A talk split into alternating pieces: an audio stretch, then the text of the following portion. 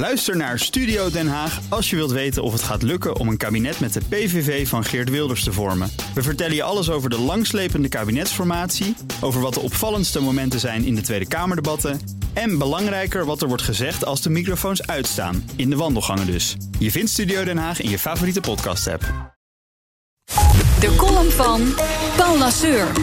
Op mijn persoonlijke lijstje van meest onbenullige eindejaarslijstjes staat dit jaar glansrijk bovenaan de top 200 invloedrijkste Nederlanders van de Volkskrant. Aangevoerd door DSM-topman Fijke Sijbesma.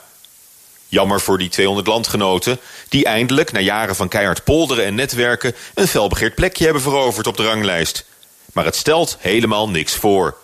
Zolang ze die invloed niet gebruiken om maatschappelijke impasses te doorbreken en een beetje richting te geven aan onze op drift geraakte samenleving.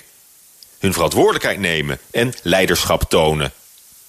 In plaats daarvan leven de meeste van die 200 invloedrijken in een van de echte wereld afgesloten bubbel, lijkt het.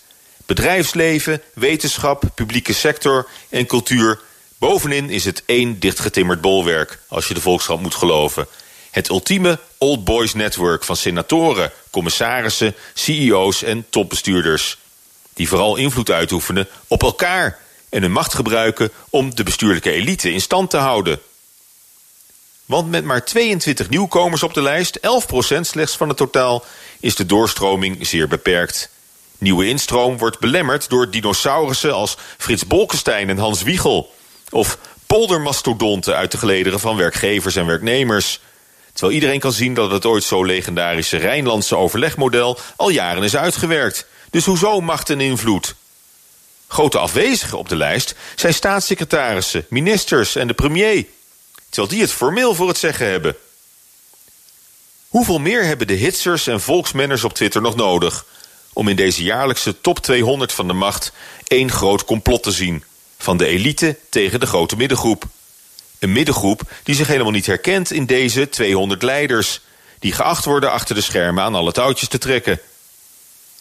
Als je wil weten waar de echte macht en invloed is samengebald... kan je misschien beter kijken naar de quote 500. Geld is een stuk makkelijker te meten dan invloed. En geld geeft ook macht. Of naar influencers op social media.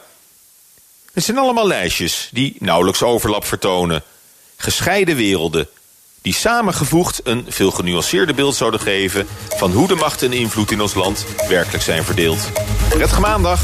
Zei Paul Lasseur. Doet hij altijd op maandag, want dan is hij columnist. En u kunt zijn column terugluisteren op eh, bnr.nl en in de BNR-app.